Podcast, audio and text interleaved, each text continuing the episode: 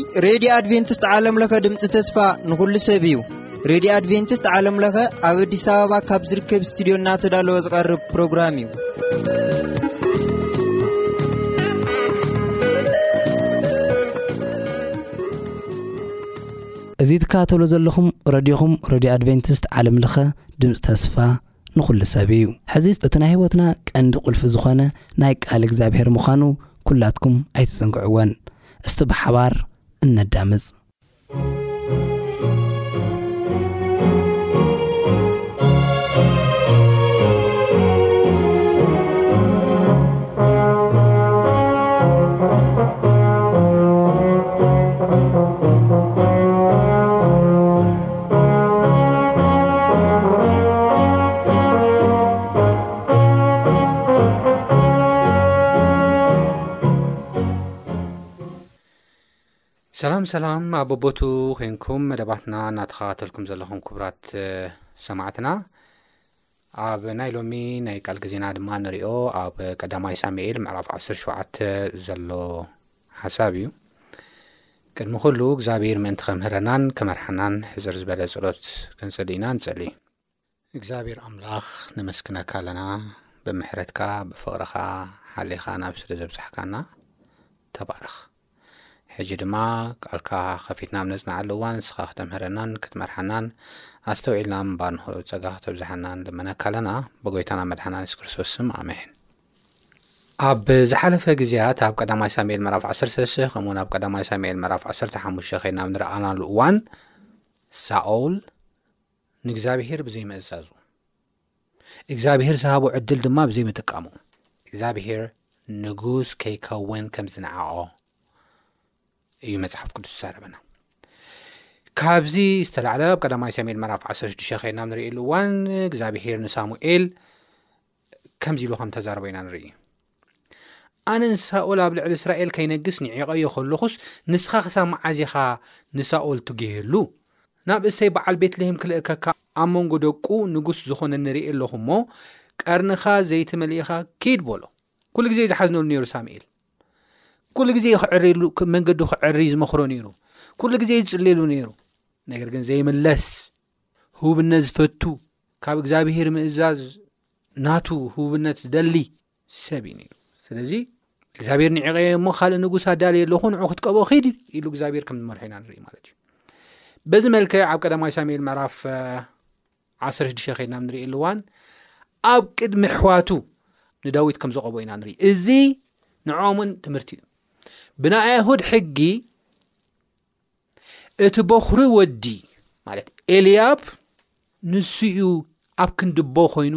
ካህን ናይታ ገዛ ዝኸውን ንሱ እዩ ኣቦ ዝኸውን ንሱ እዩ ዝመርሖም ንሱ እዩ ዝንከባኸቦም ድሕሪ ቦኦም ቀፂሉ ማለት እዩ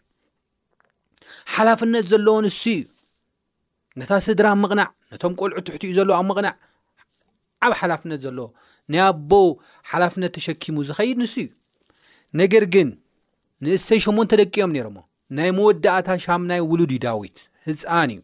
ሸሞንቲ እዮም ግን ብቑዓት ኣይነበሩን እግዚኣብሄር ንዝደለዩ ሓላፍነት ብቑዓት ኣይነበሩን ፊት ዝገብሩ ዝገጥሙ ይነበሩን ብስስዐን ብጣዖት ኣምልኾን ስቕ ኢልካ ምድራዊ ነገርን ዝተታሓዙ ሰባት እዮም ነሮም ብጣዕሚ ዝሕዝን ነገር ማለት እዩ ሓላፍነቶም ዘይዋፅኡ ሰባት እዮም ነሮም ኣትሊስት ዝበክሩ እኳ ተደይኮነት መንኣሱ እኳ ተተራእየ እዚ ኣይከውንኒ ኢሉ እግዚኣብሄር ሸውዓተ ግዜ ከም ዝመረፀ ኢና ንርኢ ኣሕዋተይ ክሳብ ክንደይ ኢና ናይ እግዚኣብሄር ፍቓድ ብምፍላጥ ወይ ድማ ብምርዳእን ከምኡውን ከም ቃል እግዚኣብሄር ብምንባርን ነቶም ትሕቴና ዘለዉ ኣሕዋትናን ኣሓትናን ቃል እግዚኣብሄር ነተሓላልፈሎም ኣብነት እንኾኖም ከም ፍቓዱ ደው ክብሉ ድማ እንጽልየሎም ክሳብ ክንደይ እዩ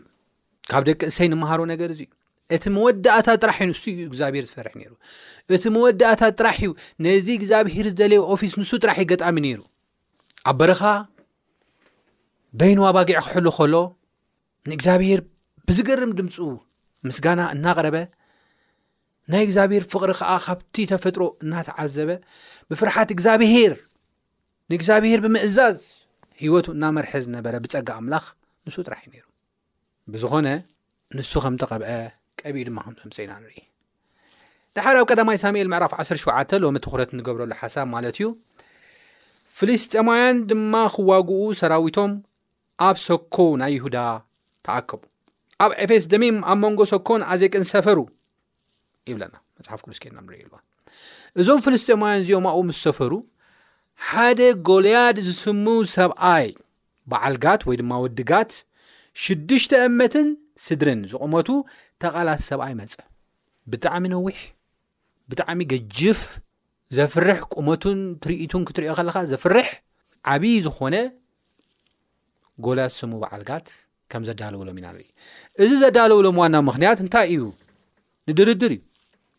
እንታይ ዝብል ድርድር እዮም ኣቕሪቦም ካብ ዝገርም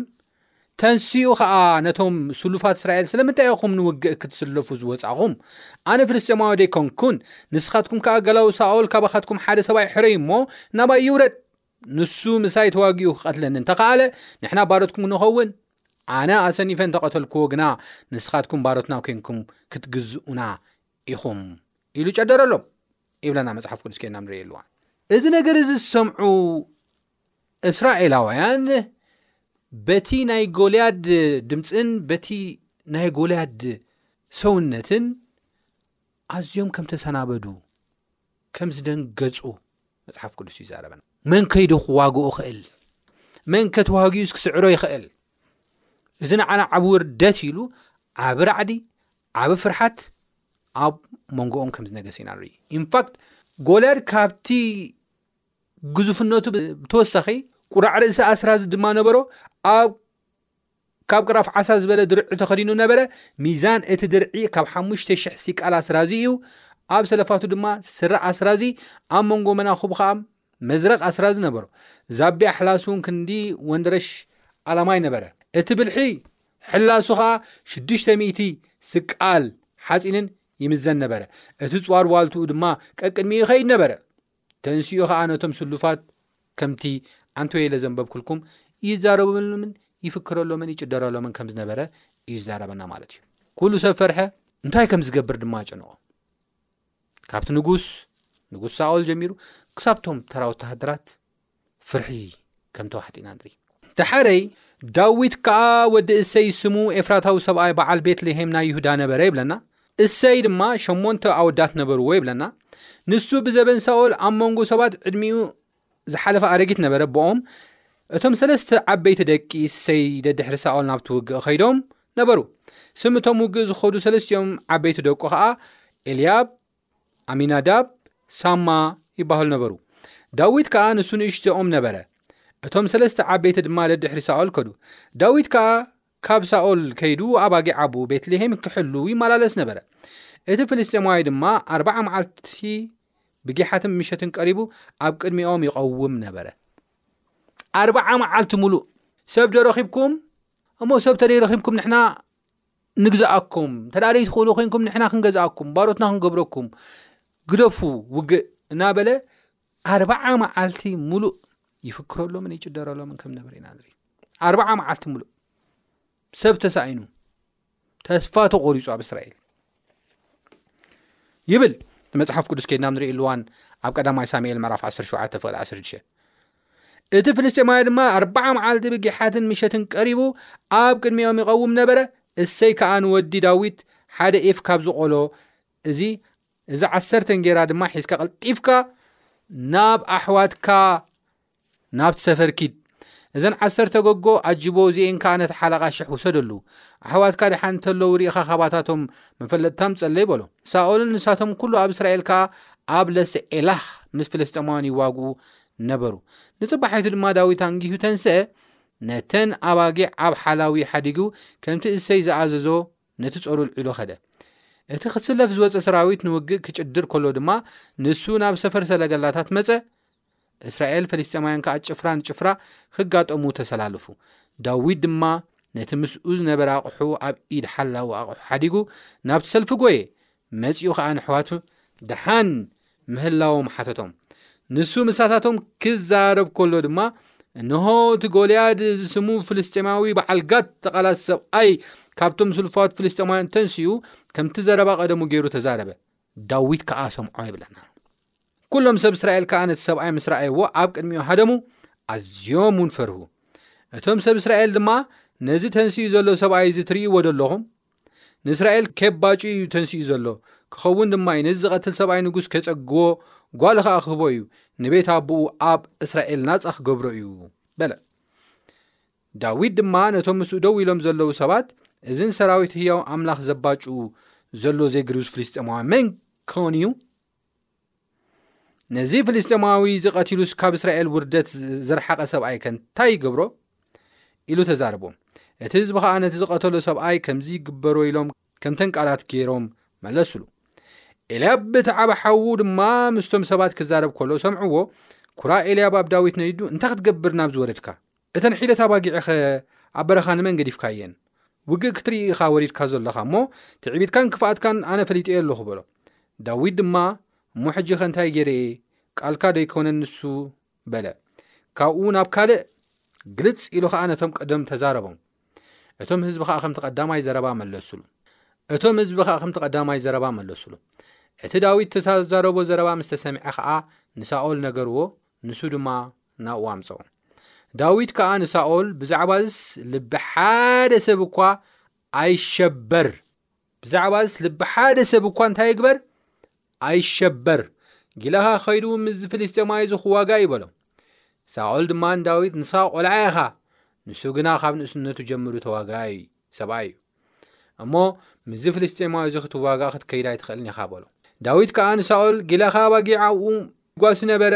ኣንበሳ ወይ ድቢ ካብቲ መጓሰ ሓንቲ በጊዕ ምስ ወሰደ ድማ፣ ኣነ ድድሕሪኡ ወጺኤ እቐትሎ፣ ካብ ኣፉውን እግድፎ ነበርኩ፣ ምስ ተንስኣኒ ብጭሕሙ ሒዘ ወቒዐ እቐትሎ ነበርኩ። ጊላኻ ኣንበሳን ድብን ቀቲሉ እዩ፣ እዚ ዘይግዙር ፍልስጥኤማዊ እዚ ኸኣ ንሰራዊት ህያው ኣምላኽ ጸሪፉ እዩ እሞ፣ ከም ሓደ ኻባታቶም ኪኸውን እዩ በሎ። ዳዊት ድማ እቲ ኻብ ኢድ ኣንበሳን ካብ ኢድ ድብን ዘድሓነኒ እግዚኣብሄር ንሱ ኻብ ኢድ ዝፍልስጥኤማዊ ከድሕነኒ እዩ በለ። ሳኦል ከኣ ንዳዊት ኪድ እግዚኣብሄር ምሳኻ ይኹን በሎ። ሳኦል ድማ ንዳዊት ክዳውንቱ ኸደኖ ኣብ ርእሱ ኸኣ ቁራዕ ርእሲ ኣስራዚ ገበረሉ። ድርዒ ኸደኖ ዳዊት ድማ ሰይፉ ኣብ ልዕሊ ኽዳኑ ተዓጥቀ። ምኻድ ኣይፈተነን ነበረ እሞ ክኸይድ ጀመረ። ዳዊት ከኣ ንሳኦል ፈቲነዮ ኣይፈልጥን እየ እሞ ምስ እዝስ ክኸይድ ኣይክእልን እየ በሎ። ዳዊት ድማ ካብኡ ኣራገፎ። በትሩ ኣብ ኢዱ ሒዙ፣ ካብታ ሩባ ኸኣ ሓሙሽተ ልሙጻት ኣእማን ሓርዩ፣ ናብቲ ክጓሱ ከሎ ምስኡ ዝነበረ ቁርቦ ባሻን ማሕፉዳን ኣንበሮ። ወንጭፉ ኸኣ ኣብ ኢዱ ሒዙ ናብቲ ፍልስጤማዊ ኣቢሉ ቀረበ ይብለና። እቲ ፍልስጤማዊ ኸኣ እናሰጎመ ናብ ዳዊት ቀረበ። እቲ ዋልትኡ ዝጸውር ሰብኣይ ድማ ቀቅድሚኡ ይኸይድ ነበረ። እቲ ፍልስጤማዊ ኸኣ ንዳዊት ተኲሩ ምስ ረኣዮ፣ ንሱ ቀይሕ መልክዐኛ ኮተት ነበረ እሞ፣ ነዓቖ። እቲ ፍልስጤማዊ ድማ ንዳዊት ብበትሪ እቲ መጸንስኣ እንዶ ኽልቢ እየ በሎ እቲ ፍልስጤማዊ ኸዓ ንዳዊት ብኣማልኽቱ ረገሞ እቲ ፍልስጤማዊ ድማ ንዳዊት ንዓ ናባይ እሞ ስጋኻ ንኣዕዋፍ ሰማይ ንኣራዊት መረሩን ክህቦም እየ በሎ ዳዊት ከዓ ነቲ ፍልስጤማዊ በሎ ንስኻ ብሰይፍን ብኹናትን ብመዘረቕን ትመጸኒ ኣሎኻ ኣነ ግን ብስም እግዚኣብሔር ጎይታ ሰራዊት እቲ ንስኻ ተባጆ ዘለኻ ኣምላኽ ጭፍራ እስራኤል እመጸካ ኣለኹ ሎም መዓልቲ ኸኣ እግዚኣብሔር ንኣኻ ኣሕሊፎ ኻብ ኢደይ ክህበኒ እዩ ኣነ ክቐትለካ ርእሳኻ ካብኡ ክወስድ እየ ሬሳ ሰራዊት ፍልስጥማውያን ከኣ በዛ መዓልቲ እዚኣ ንኣዕዋፍ ሰማይ ንኣራዊት ምድረን ክህቦም እዩ እሞ ኣብ እስራኤል ኣምላኽ ከም ዘሎ ኩላ ምድሪ ክትፈልጥ እያ እቲ ውግእ እዚ ናይ እግዚኣብሄር እዩ እሞ እግዚኣብሄር ብሰይፍን ብኩናትን ከም ዘይኮነ ዘድሕን ብዘላ እዛ ማሕበር እዚኣ ምእንቲ ክትፈልጥ ንሱ ንኣኻትኩም ኣብ ኢድና ክህበና እዩ በለ። ቅድሚ ምቕጻልና ኣብዚ ሕጂ ዘንበብክዎ ሓሳባት ዝተወሰነ ሓሳባት ክዛረብ ይደሊ። ንጉስን እቶም ብውትህድርና ልምዲ ዘለዎም ሰባትን ጎልያድ ሪኦም ፈሪሆም ተሸቢሮም ከምኡ ውን ዓቕሚ ስኢኖም ኮፍ ኢሎም ሲኢልካ ጸርፊ ባጫ ናይቲ ዘይግሩዝ ፍልስጤማዊ እናሰምዑ ብፍርሓትን ብራዕድን ይሕልፉ ነይሮም ዳዊት ግን ክፈርሕ ዘይከኣለ ፍርሓት ዝበሃል ናብ ውሽጡ ክኣቱ ዘይከኣለ ንምንታይ እዩ እንታይ እዩ ምስጢሩ እንታይ እዩ ምስጢሩ ክንብል ከለና እቲ ምስጢሩ ሓደን ሓደን እዩ። ንሱ ድማ ኣብ በረኻ ከሎ ዝተለማመዶ ነገር እዩ። ምስ ኣንበሳን ምስ ድብን እዩ ዝቃለስ ነይሩ ዳዊት። ኣባጊዕ ኣንበሳን ድብን ይወስድሉ ደድሕሪኡ ነተን ኣባጊዕ ንምድሓን ኢሉ ምስ ኣንበሳን ምስ ድብን ይቃለስ ከም ዝነበረ ኢንፋክት ምቅላስ ጥራሕ ዘይኮነ እተን ኣባጊዕ እውን የድሕነን ከም ዝነበረ ካብኦም እዩ ዝነገረና። ስለዚ ፍርሓት ዝበሃላ ውሽጡ ይነበሮ። ስንባደ ዝበሃል ኣብ ውሽጡ ይነበረን እዚ ክሪኦ ከሎ ምንም ፍርሓት ኣይነበርና ሓደ እዚዩ እቲ ካልኣይ እግዚኣብሔር ዝፈርሒ ሰብ እዩ ነይሩ ብእግዚኣብሔር እምነት ዝነበሮ ሰብ እዩ ነይሩ ክልተ ነጥብታት እዩ ኣቐሚጦ ዳዊት ከድሕነኒ እዩ ካብዚ ዘይጉሩዝ ፍልስጢማዊ ንሱ ከድሕነኒ እዩ ሳኦል ግደፈኒ ኣሕልፈኒ ክዋግኦ ኢሉ እምነት ነይርዎ ብእግዚኣብሔር ሙሉእ እምነት ዘይሽርሸር እምነት ብስም ጥራሕ ዘይኮነ እምነት ነይርዎ ኣብ እግዚኣብሔር እዚ እምነት እዚ ድማ ኣብ ቅድሚ እዚ ዘፍርሕ ዘይግሩዝ በዓል ጋት ፍልስጤማዊ ጎልያት ደው ክብል ከም ዘኽኣሎ ኢና ንርኢ ማለት እዩ ሳልሳይ በታ እግዚኣብሄር ዘላመዳ በታ ንሱ ዝፈልጣ መንገዲ እዩ ክኸይድ ፈትኑ ሓድሽ ሕግን ስርዓትን ናይቲ ውትህድርና ስርዓት ክኽተል ኣይደለየን ግደፈኒ እዚ ክዳን እዚ ውፀለይ ኢልዎ እዚ ውፃዮ ኣነ በቲ ዝለመድኩ ክኸይድ እየ ዝደሊ ኢሉ ብበትርን ወንጭፍን በቲ ቁርባብሽን ማሕፉዳን እቲ ናይ እምነታት ዝእትወሉን ብኡ እዩ ክቃለስ ፈቲኑ ብዘይለመዶ ብዘይፈልጦ ነገር ኣይክደን ስለዚ ካብዚ ንመሃሮ ነገር እንታይ እዩ ክንብል ከለና እምነት ኣብ ቅድሜና ዘሎ ዘፍርሕ ኮነ ዘሸግር ማሕለኻታት ክንሓልፍ ዓቢ መሳርያ እዩ። ብእግዚኣብሄር ካንኣምን ኣለና፣ ብሓደ ወዲ እውን ክንኣምን ኣለና። እምነት ካብ እግዚኣብሄር ዝውሃበና ውህብቶ እዩ። ስለዚ እግዚኣብሄር ሓያል ምዃኑ እቲ ዘይከኣል ዘኽእል ኣምላኽ ምዃኑ ጥሒስና ክንሓልፍ ዝገብር ኣምላኽ ምዃኑ ክንርዳእን ክንኣምንን ክንከላልና ርግፅ እዩ እምነት ካብ ምስማዕ ምስማዕ ከዓ ብእግዚኣብሔር ቃል እዩ ብእግዚኣብሔር ክትኣምን እትኽእል ስኢልካ ኣይኮነን ክትሰምዕ ክትርዳእ መን እዩ እግዚኣብሄር ኢልካ ክትፈልጥ ኣለካ በዚ መልክዕ እዚ ድማ ኢኻቲ እምነትካ ክህነፅ ዝኽእል ማለት እዩ እቲ ካልኣይ እግዚኣብሄር በቲ ዘላማመደካ ኩሉ ግዜ ምኻድ እግዚኣብሄር በቲ ዝሓበረካ በቲ ዘላማመደካ ዘዳለወካ እግዚኣብሄር ንዳዊት ቀዲሙ ዘላማመዶ ህይወት እዩ ነይሩ እዚ ህይወት እዚ ንሳኦል ኣብ ቀዳማይ ሳሙኤል ምዕራፍ 13 ከም ዝረኣናዮ መንግስትኻ መፅናዓልካ ነይሩ ተትእዘዝሲ እግዚኣብሄር መንግስትኻ መፅናዓልካ ነይሩ ሕጂ ግን መንግስትኻ ይተቆመመን እያ ካብ ዝብሎ ግዜ ጀሚሩ እግዚኣብሄር ከም ልቡ ዘኾነ ንጉስ ዚኸውን ኣብ እስራኤል ሓርዩ ኸም ዝነበረ፣ ነቲ ንጉስ ድማ ኣብ በረኻታት የሰልጥኖ ኸም ዝነበረ ኢና ንርኢ። ማለት ንዳዊት ኣብ በረኻታት ነቲ ንግስና ፊት ክገብር ገጣሚ ክኸውን የሰልጥኖ ከም ዝነበረ ኢና ንርኢ ስለዚ እዚ ስልጠና እዚ ድማ እግዚኣብሄር ብምእማን ዝረኸቦ ትብዓትን ወነን ሓይልን ጥበብን ከም ዝኾነ እዩ ዝዛረበና እዚ ሓሳብ እዚ ማለት እዩ ስለዚ እግዚኣብሔር ካብቲ ዘላማመዶ ወፃኢ ክኸይድ ኣይከኣለን እምበኣር ክቕፅል እንታይ ኮነ ድድሕሪኡ ፍልስጤማውን ዳዊት እውን ናጎዩ ከም ዝመፁ ኢና ንርኢ ሕጂ እቲ ክልቲኦም ዝዛረብዎ ዝነበሩ ዘለባታት እውን ተስተውዒልና ጎልያድ ዝዛረቦ ዝነበረ ቶታሊ ኣብ ገዛእ ርእሱ ኣብ ገዛእ ሓይሉ ብምእማን ጥራሕ እዩ ዝዛረቦ ነይሩ እተን ዘረባታቶም ብደንብ ነስተውዕለን ሞ ድሓር ክንቅፅል ኢና ጎለር እንታይ ኢሉ? ናይ መጀመርያ ኣተኲሩ ምስ ረኣዮ፣ ንሱ ቀይሕ መልክዐኛ ኰተት ነበረ እሞ ነዓቖ ይብለና። እቲ ፍልስጤማዊ ድማ ንዳዊት ብበትሪ ትመጽኣንስ ኣነዶ ኸልቢ እየ? በሎ። እቲ ፍልስጤማዊ ኸኣ ንዳዊት ብኣማልኽቱ ረገሞ፣ እቲ ፍልስጤማውያን ድማ ንዳዊት ነዓ ናባይ እሞ ስጋኻ ነዕዋፍ ሰማይን ንኣራዊት መረሩን ክህቦም እየ በሎ ይብለና። ቶታሊ ኣብ ርእሱ ዝእመን ቶታሊ ናብ ላዕሊ ዘይረኣየ እግዚኣብሄር ዘይኣምን ብርግማን ዝኣምን ሰብ ከም ዝነበረ ኢና ንርኢ እቲ ዘረባ ናይ ክርስትያናት ዘረባ ብጨው ተቓመመ ምዃኑ ካብ ዳዊት ክትርእይዎ ኢኹም ዳዊት ግን እንታይ ኢሉ ናይ ዳዊት ዘረባ ከዓ እነስተውዕል ዘረባ ማተር ይገብር እዩ ብስንፍና ንዛረቦ ቃላትን ብእምነት ንዛረቦ ቃላትን ይፈላለዩ እዩ ዳዊት ግን እንታይ እዩ ዝብል ዘሎ ነቲ ፍልስጥማዊ በሎ ንስኻ ብሰይፍን ብኩናትን ብመዝረቕን ትመፅኒ ኣሎኻ ኣነ ግና ብስም እግዚኣብሄር ጐይታ ሰራዊት እቲ ንስኻ እተባጭዎ ዘለኻ ኣምላኽ ጭፍራ እስራኤል መጸካ ኣለኹ ሎሚ መዓልቲ እግዚኣብሄር ንኣኻ ኣሕሊፉ ኣብ ኢደይ ክህበኒ እዩ ኣነ ክቐትለካ ርእስኻ ካባኻ ክወስድ እየ ሬሳ ሰራዊት ፍልስጤማውያን ከዓ በዛ መዓልቲ እዚኣ ንዕዋፍ ሰማይን ንኣራዊት ምድርን ክህቦም እዩ እሞ ኣብ እስራኤል ኣምላኽ ከም ዘሎ ኩላ ምድሪ ክትፈልጥ እያ እቲ ውግእሲ ናይ እግዚኣብሄር እዩ እሞ እግዚኣብሄር ብሰይፍን ብኹናትን ከም ዘይኮነ ዘድሕን ብዘላ እዛ ማሕበር እዚኣ ምእንቲ ክትፈልጥ ንሱ ንኣኻትኩም ኣብ ኢዱ ክበና እዩ በሎ ይብለና ሙሉእ ብምሉእ ኣብ ርእሱ ዘይተኣመነ ኣብ እግዚኣብሄር ዝተኣመነ ኢንፋክት ካብ ዘረቡ ሓደሓደ ንባዕሉ ነጥብታት ክንምሃረሎም ዘለና ነገር እዩ ኣብዚ ዝዛረብ ዘሎ እቲ ቀዳማይ ነጥቢ እቲ ውግእ ናይ እግዚኣብሄር እዩ እዩ እቲ ውግእ ናይ ሳኦልን ናይ ዳዊትን ጥራሕ ኣይኮነን ህዝቢ እግዚኣብሄር ታቦት እግዚኣብሄር ከተርክሱ ኢኹም ትመፁ ዘለኹም ህዝቢ እግዚኣብሄር ክተጥፉ ኢኹም ትመፁ ዘለኹም ንህዝቢ ናብ ጣዖት ተኣምልኾ ንኸተስጉዱ ኢኹም ባሮት ጌርኩም ናብ ጣዖት ንሰይጣን ንኸምልኹ ኢኹም ትጓየዩ ዘለኹም ስለዚ እዚ እግዚኣብሄር ዕሽሽሉ ዝርአ ኣይኮነን እቲ ወገ ናይ እግዚኣብሄር እዩ እግዚኣብሄር ነዚ ኣይዕገሶን እዩ ሓደ ወዱ ንሱ ድማ ጎይታና መድሓና የሱስ ክርስቶስ ኣሕሊፉ ንመስቀል ንዘለኣለም ሞት ክበና ከሎ ሰባት ክድሕኑ ንኣኡ ክምለሱ ካብ ሓጢኣት ድማ ክርሕቑ እምበር እንደገና ናብ ሓጢኣት ክኣት ይኮነን ንስኻትኩም ግን እንደገና ሰብ ናብ ሓጢኣት ክኣቱ እንደገና እቲ እግዚኣብሄር ዝኣምንዎ ነገር ክገድፍ ምስ ናይ ሰይጣን ኣሰራርሓ ኮላብሬት ጌርኩም ትመጹ ኣለኹም ኢሉ ዳዊት ንጎልያድ ከም ተዛረበ ኢና ስለዚ እግዚኣብሔር ሰው ኢሉ ይዕገሶን እዩ እቲ ውግእ ናይ ባዕሉ እዩ ባዕሉ እዩ ዝዋገእኩም ነቲ ክፉእ ተግባርኩም ባዕሉ እዩ ዝዋግኩም እቲ ውግእ ናይ እግዚኣብሔር እግዚኣብሄር ድማ ይብል ካልኣይ ተካልይቲ ነጥቢ ከዓ ከም ዘሎን ብሰይፍን ብኩናትን ብሰውነትን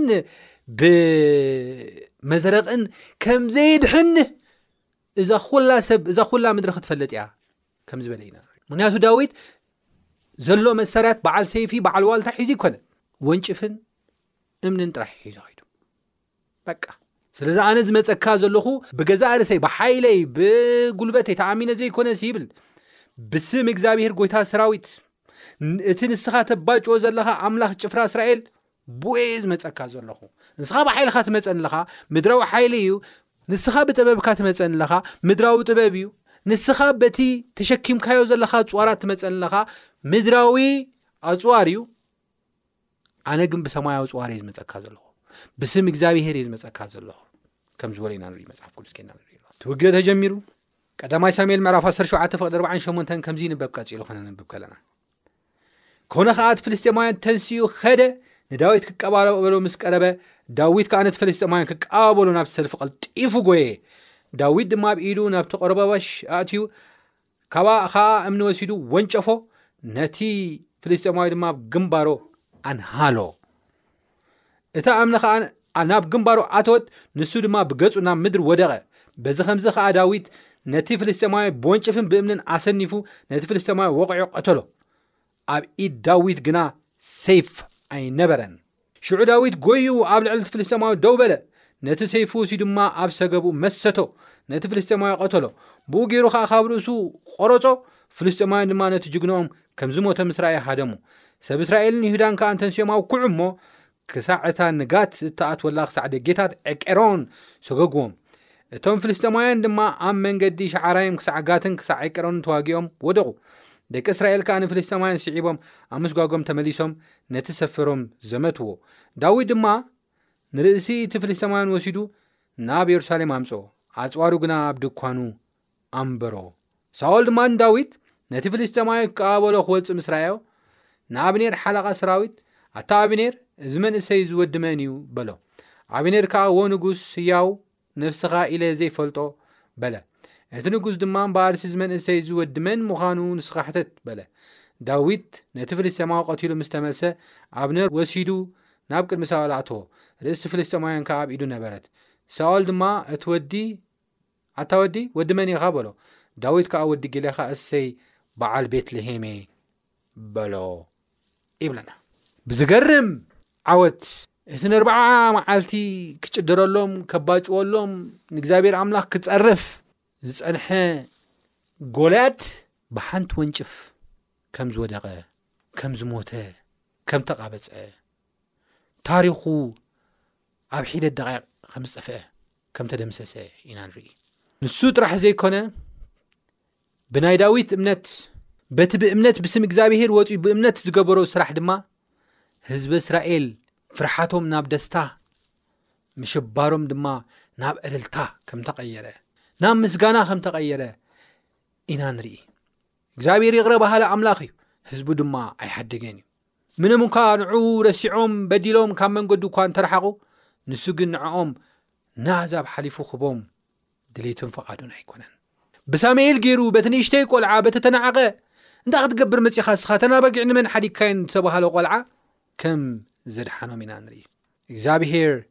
ሰብ ከምቲ ዝሪኦ ኣይርኢን እዩ እግዚኣብሄር ሰብ ከምቲ ዘስተውዕሎ ኣየስተውዕልን ንምስትውዓሉ ልዕል ዝበለ እዩ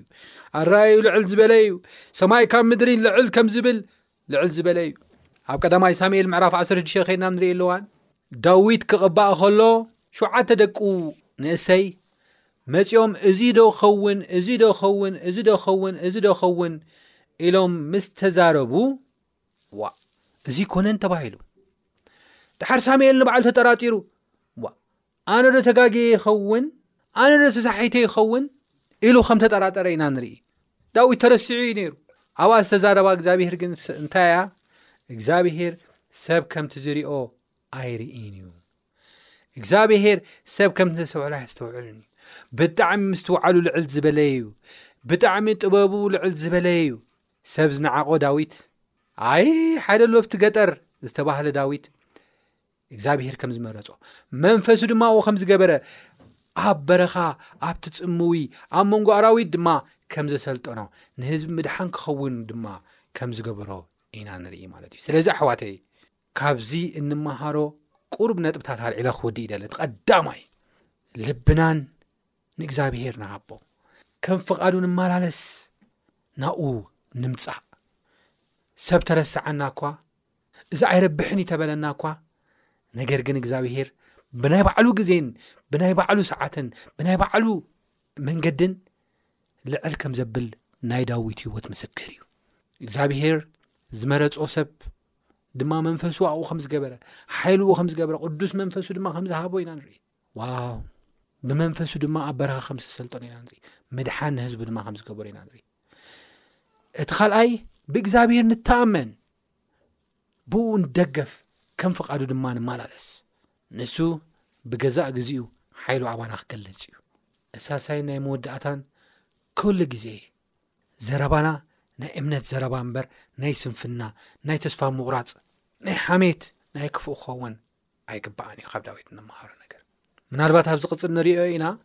ዳዊት ብናይ ሳኦል ፀውዒት ናብ ቤተ መንግስቲ ከም ዝመፅ ኣብ ቤተ መንግስቲ ድማ ከም ዝነበረ ኢና ንርኢ ኣብቲ ቤተ መንግስቲ ኩሉ ነገር ብጥበብን ብምስትውዓልን ይገብሮ ከም ዝነበረ ኢና ንርኢ ኣርሒቑ ዝጥምት ሰብ ከም ዝነበረ ኢና ንርኢ ስለዚ ትኩራት ሰባት ክንከውን ከም ዘለና ፍቓድ እግዚኣብሄር ንሕስ ከም ፍቓድ እግዚኣብሄር ንመላለስ ኢንፋክት ኣብ ዝቕፅል ክንርአ ኢና ሳኦል እኳ ንዳዊት እናሳጎጎ ንሱ ግን እንታ ክገብር ኣይከኣለን እግዚኣብሄር ብዝቐብኦ ኣነ ይትንክፍን እየ ዝብል እግዚኣብሄር ዝፈርሕ ሰብ እዩ ነይሩ እግዚኣብሄር ዝኣምን ሰብ እዩ ነይሩ ንእግዚኣብሄር ዘኽብር ሰብ እዩ ነይሩና ንእግዚኣብሄር ከነኽብርን ክንፈርሕን ክንእዘዝን ክንኣምንን ይግበኣና ብምስትውዓል ድማ ክንመላለስ ብጥበብ ድማ ክንመላለስ ይግበኣና እዩሞ እዚ ክንገብር እግዚኣብሄር ፀጉ የብዝሓልና ኣብ ዝቕፅል ብካልእ ክሳብ ንራኸብ ሰላም ኩኑ ወይታ ይባረኩም